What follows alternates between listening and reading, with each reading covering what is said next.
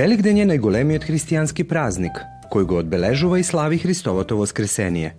Екипата на Македонско сонце ја посети фамилијата Бајќ во Петроварадин, каде не пречека љубезната доматинка Снежана.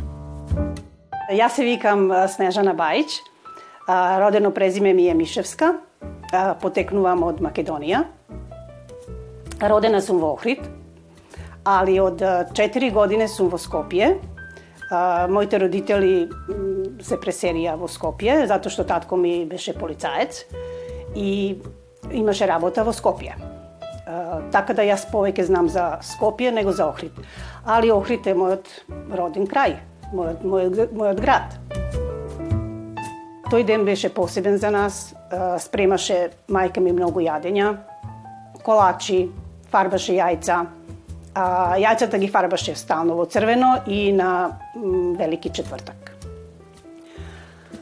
Како деца многу се радувавме и секој секој великден се бајлето кога станувавме рано, мајка ми не будеше со црвено јајце и вака на обравчињата ни, ни правеше да бидеме здрави.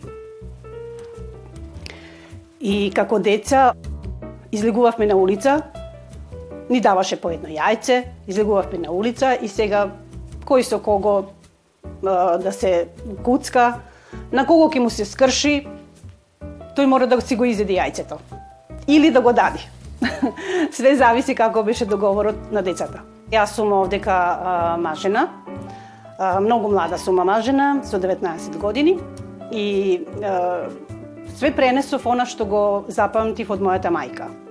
Јас како толку млада не знаев многу да ни да спремам, ни да овај правам јадења, него све успат се учев, уз помош на, на бабата од мојот сопруг.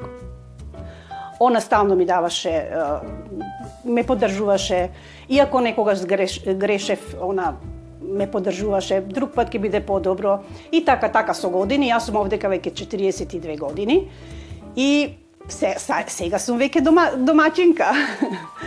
а традицијата ја пренесов од Македонија затоа што тоа е мој мој крај. Јас љубовта од Великден ја пренесов од мојата мајка овде. Така исто ја пренесувам и на моите деца, на моите две керки. Они се уште млади и се уште овај не знаат да фарбаат јајца и така тоа, затоа што додека сум јас тука, јас тоа им го овозможувам. А, така да а, уз декорација. Значи декорацијата е мојата љубов. Јас уште од мала а, многу сакав да а, убаво сликав, убаво пеев. Тоа е мојата љубов. А, до сега не сум можела тоа да го да го да овозможам за себе, затоа што сум работела, деца сум гледала. А, сега кога сум веќе во некои години, а, се бавам со, со декорација. Ова све што го гледате на ова, на ова маса е, е моја, моја изработка од моите раце. Јас се потрудив денеска посебно да направам, пошто е Велики четвртак.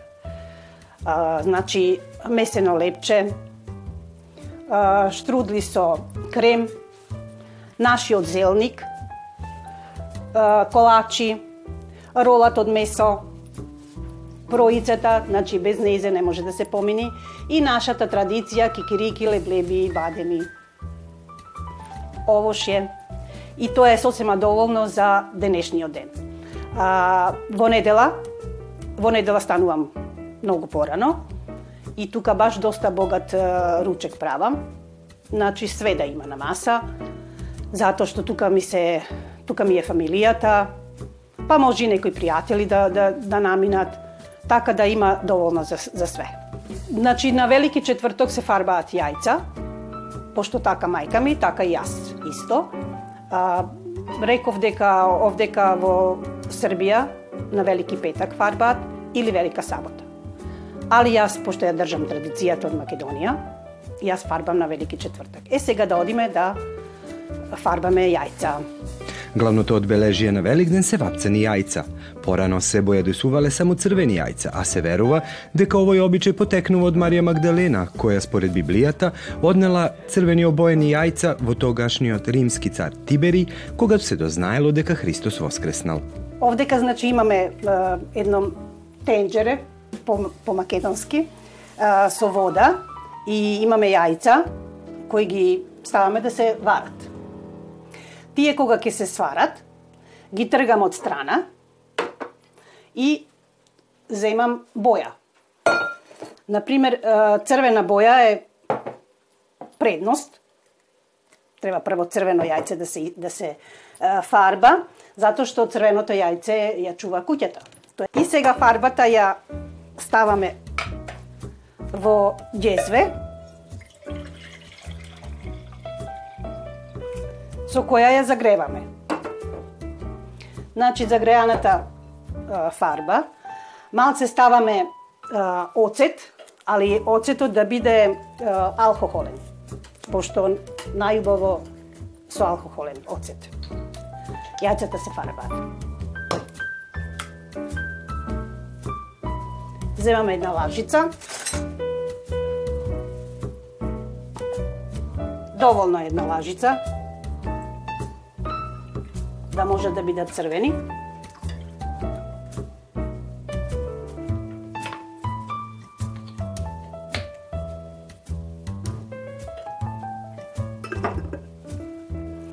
И сега од овие овдека кои се а, веќе сварени јајца, ставаме во фарбата едно по едно.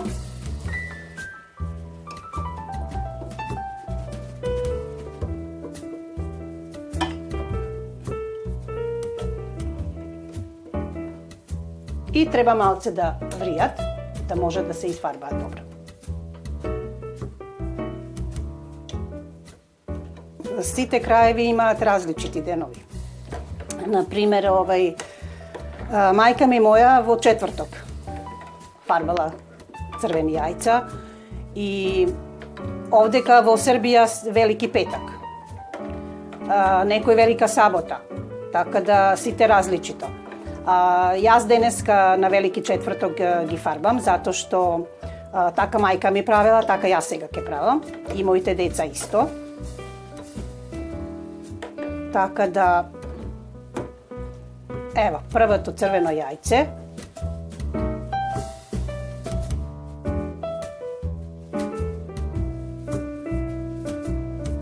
Прво црвено јајце, о, тоа е чувар куќа и сега тоа ќе го тргнам од страна пошто тоа посебно иде и јас убаво го аранжирам и го ставам на влезната врата.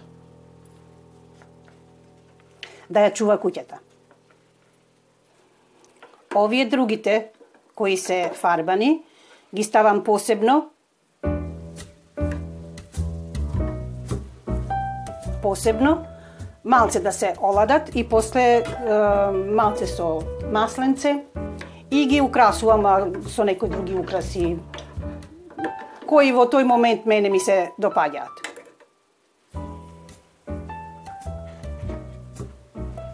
А, да би фарбале друга боја, значи исто вака, бојата се загрева, исто јајцата од, од тенџерето ги ставаме внатре и правиме разни бои.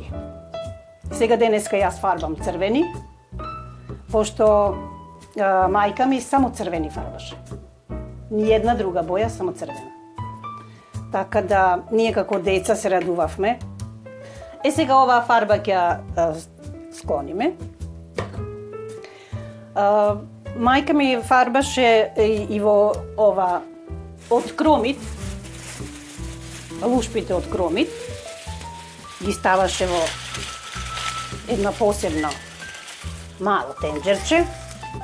Јас сега овдека имам собрано.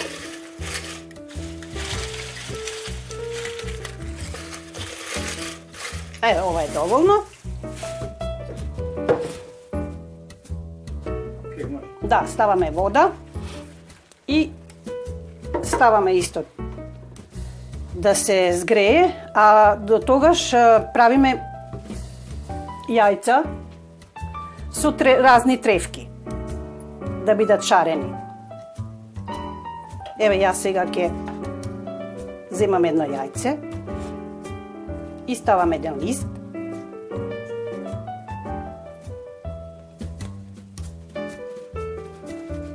Ова е иначе чорапа. Некои ги врзуваат со црвено конче, некои е, вака ги врзуваат како јас сега, на пример тоа побрзо да, да оди.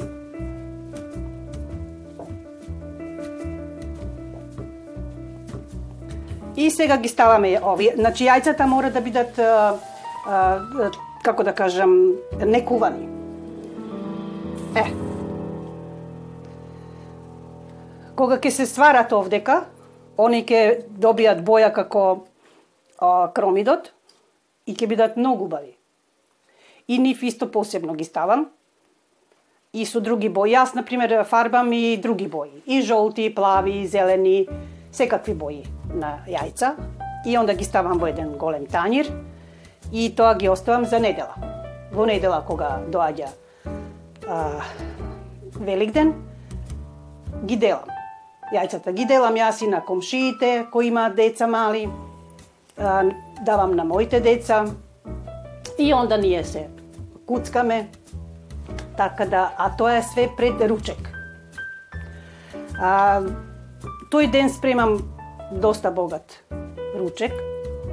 Значи да има све на масата. Од зелник, од проици, од колачи, месо, значи све што можеш да си приуштиш, тој ден е убаво да биде на, на масата. И декорација. Декорацијата е моје, мојата љубов.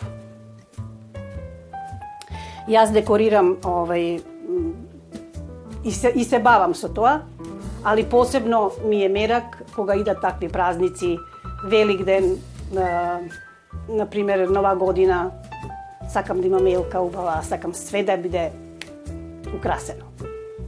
Еве сега овие јајца се варени. Овие јајца посебно ги а, фарбавме со а, кромит. И сега јас ке ги извадам надвор за да можам да земаме ножици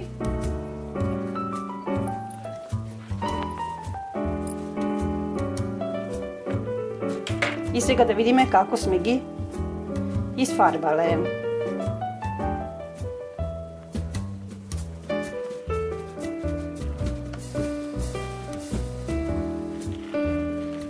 Баш се убави интересни.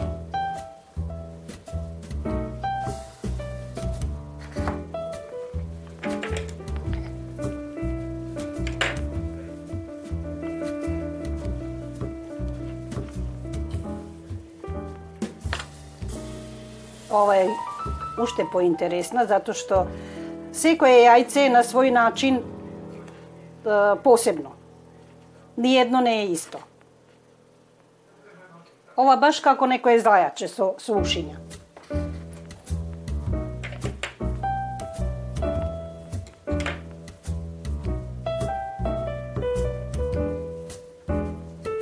Еве и ова. Еве овдека листот се, се гледа. И сега овие јајца кои ќе се малце а, оладат, ги мачкаме со масленце И ги редиме во танир во кој сме го сме изабрале да да бидат убави за на маса. Значи овие јајца сите што ги фарбавме денеска, тие се јадат во недела. Значи не се јадат денеска, пошто денеска е велики четврток, значи петок, сабота стојат и тие јајца може да стојат а, многу долго и никогаш нема да се расипат. Може да стојат година дена и нема да се расипат. Затоа што тоа нешто свето.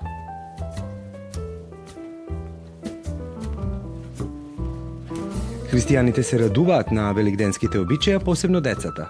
Во разни делови на земјата важат различни обичаи. Па така некој вапца јајца на велики четврток, некој на велики петок или пак велика сабота. Некој ги вапцат само во црвена боја или со лушпите на кромид, а некој ги шарат на најразлични можни начини. Сега сакам да ги поздравам сите гледачи и сите а, луѓе кои го слават а, православниот а, Великден. А, сакам да ги поздравам мојот брат и мојата сестра, а, нивните деца, нивните внучиња. Сакам да ги поздравам сите македонци за нашиот а, празник Великден а, по целиот свет, каде и да се. А, сакам да ги поздравам моите роднини во Австралија, моите роднини во Македонија, Битола, Охрид, Прилеп, Скопје, а, за нашиот најголем христијански празник Великден. А, многу ги сакам, многу ми недостигаат и полюбци. За сите македонци. На ден Великден, Великденскиот понеделник и вторник, кој се по него, православните христијани во светот се поздравуваат со Христос Воскресе и се одговара Ваистина Воскресе. Гледате палету. Избор из емисија на језицима националних заедница.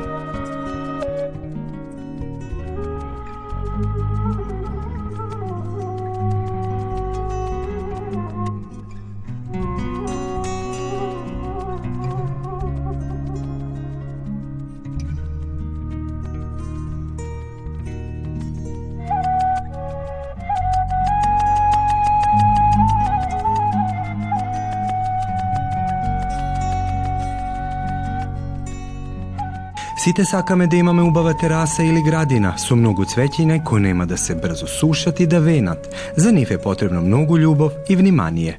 Во наредните минути ќе се обидиме да ви ја представиме Маре Зувиć, цвеќарка која својата голема љубов кон цвеќето и природата ја пренасочила во цвеќарството. По потекло си од кое место? А, од Велешко и Ванковци. Како го памтиш твоето детство? Многу среќно, Безгрижно и убаво детство имав. Што памтиш најмногу од тој период? Па, не знам, Македонија убава земја, многу убава, луѓето се многу добри, гостопримството нивно. Како беше играњето во тој период? Ете, да споредиме со денешното, со интернет, со телефони, во тоа време предпоставувам дека игрите беа подруги. Е, игрите, тогаш немаше ни интернет, ни телефони, се игравме, многу повеќе се дружевме, отколку денешниве деца. И интересно, убаво детство. И пријателството, предпоставувам дека тие пријателства што се од детството се многу вредни. Да, да. Како патот те наведе кон Србија, кон Нови Сад? А, с... Па во, С- во Србија дојдов се омажи во Србија. Имам два сина. Знаат македонски они, да ви кажам. Ето е најубаво. што ми е многу драго. А во Нови Сад дојдовме поради Нови Сад. Нови Сад е многу убав град. Убав за живот, убав имам многу многу убави работи да се видат тука во Нови Сад. А како те примија или вас како фамилија, како ве примија новосаѓани? Дали, како да кажам, топло ве пречека? Како се снајдовте во, но, во нова средина? Многу убаво сме прифатени, синовите мои исто многу убаво прифатени се во Нови Сад. Ја работата ми е исто така нели со со новосаѓани одлично соработуваме. Како го одбра токму цвеќето? Љубов, љубов кон цвеќето, многу сакам цвеќе. И прво ете така почнав. поради љубовта кон цвеќето. И отворив цвеќара. И што обично луѓе купуваат од цвеќе? Што можеш да ни кажеш? Дали се тоа аранжмани, дали е тоа режано цвеќе, дали саксиско? А, купуваат секакво цвеќе, значи купуваат и аранжмани со ова резано цвеќе. Е, сега се вака модерни овие бокс кутии. Најмногу се купуваат ружи, рози, црвени, ама купуваат се. На, од сакс, саксиско цвеќе се купуваат многу орхидеи, зами, зависи која е прилика во прашање. За свадби исто, аранжмани, он декорација за свадби. Се, Се се работи. се се работи, да. Кажи ми дома, ете, да, да се вратиме на таа некоја македонска традиција. Дали готвиш македонски јадење? Да. Што нај што најпоќе сакаш да подготвуваш? А, пита македонска, пита пастромајлија, тоа, тоа обожаваат и моите синови. Нормално, гравче на тавче. и, и ете така. Готвам, готвам македонски јадење доста. Како реагира твоите пријатели кога ќе дојдат е, кај вас, а ти, на пример, ќе подготвиш нешто македонско? Дали им се допаѓа? Им се допаѓа, многу. Многу им се допаѓа. Што вела тие за македонско гостопримство? Нема зборови. А сега, на пример, кога ќе појдеш во Македонија, што е тоа што сакаш да го посетиш, да го видиш таму? Дали се тоа стари пријатели, роднини, дали е тоа некој град? Па, право да вам кажем, најмногу, например, Охрид, на лето, кога одиме во Охрид, Охрид е многу убав, за одмор, во Скопје исто, често отидам, сакам Скопје да го видам, у, у, родне, фамилијата, имам голема фамилија јас во Македонија и во Велес, сите, сите така, ама никогаш не можам да најдам толку време сите да ги посетам. Голема е фамилијата, а време малку. А кажи ми што ти рекоа твоите најблиски кога се одлучи да се преселиш во, во Србија, во Нови Сад? Ипак тоа не е баш многу блиско. Па, ете, само што ќе им недостасувам, друго ништо така посебно. Али те поддржава тоа? Ме поддржа, да. Е, кажи ми сега за твоите синови, што работат, што прават, рече дека знаат македонски јазик. Колку се тие врзани за Македонија? Па, како да ви кажам, они врзани се за Македонија, помалиот посебно, пошто он е роден во Велес и ете така што викат родниот крај не влече. Поголемиот исто така и он сака да да оди во Македонија, не толку често. Инаку они се работат електричари се. Па додека ми беа родителите живи, одевме многу почесто, а сега, пошто се починати, па не одиме толку често. Прекрасен аранжман. Кажи ми од каде наоѓаш инспирација за такви убави аранжмани? Ете само од себе дојде инспирацијата. Кога човек нешто сака, кога работи со љубов, и така инспирацијата доаѓа само од себе. Природата нам ги подарила многуте нешта, една од нив се и цвеќињата. Уживајте во нив секој ден, израдувајте ја саканата особа. Бидете дел од природата со која треба да живееме во хармонија.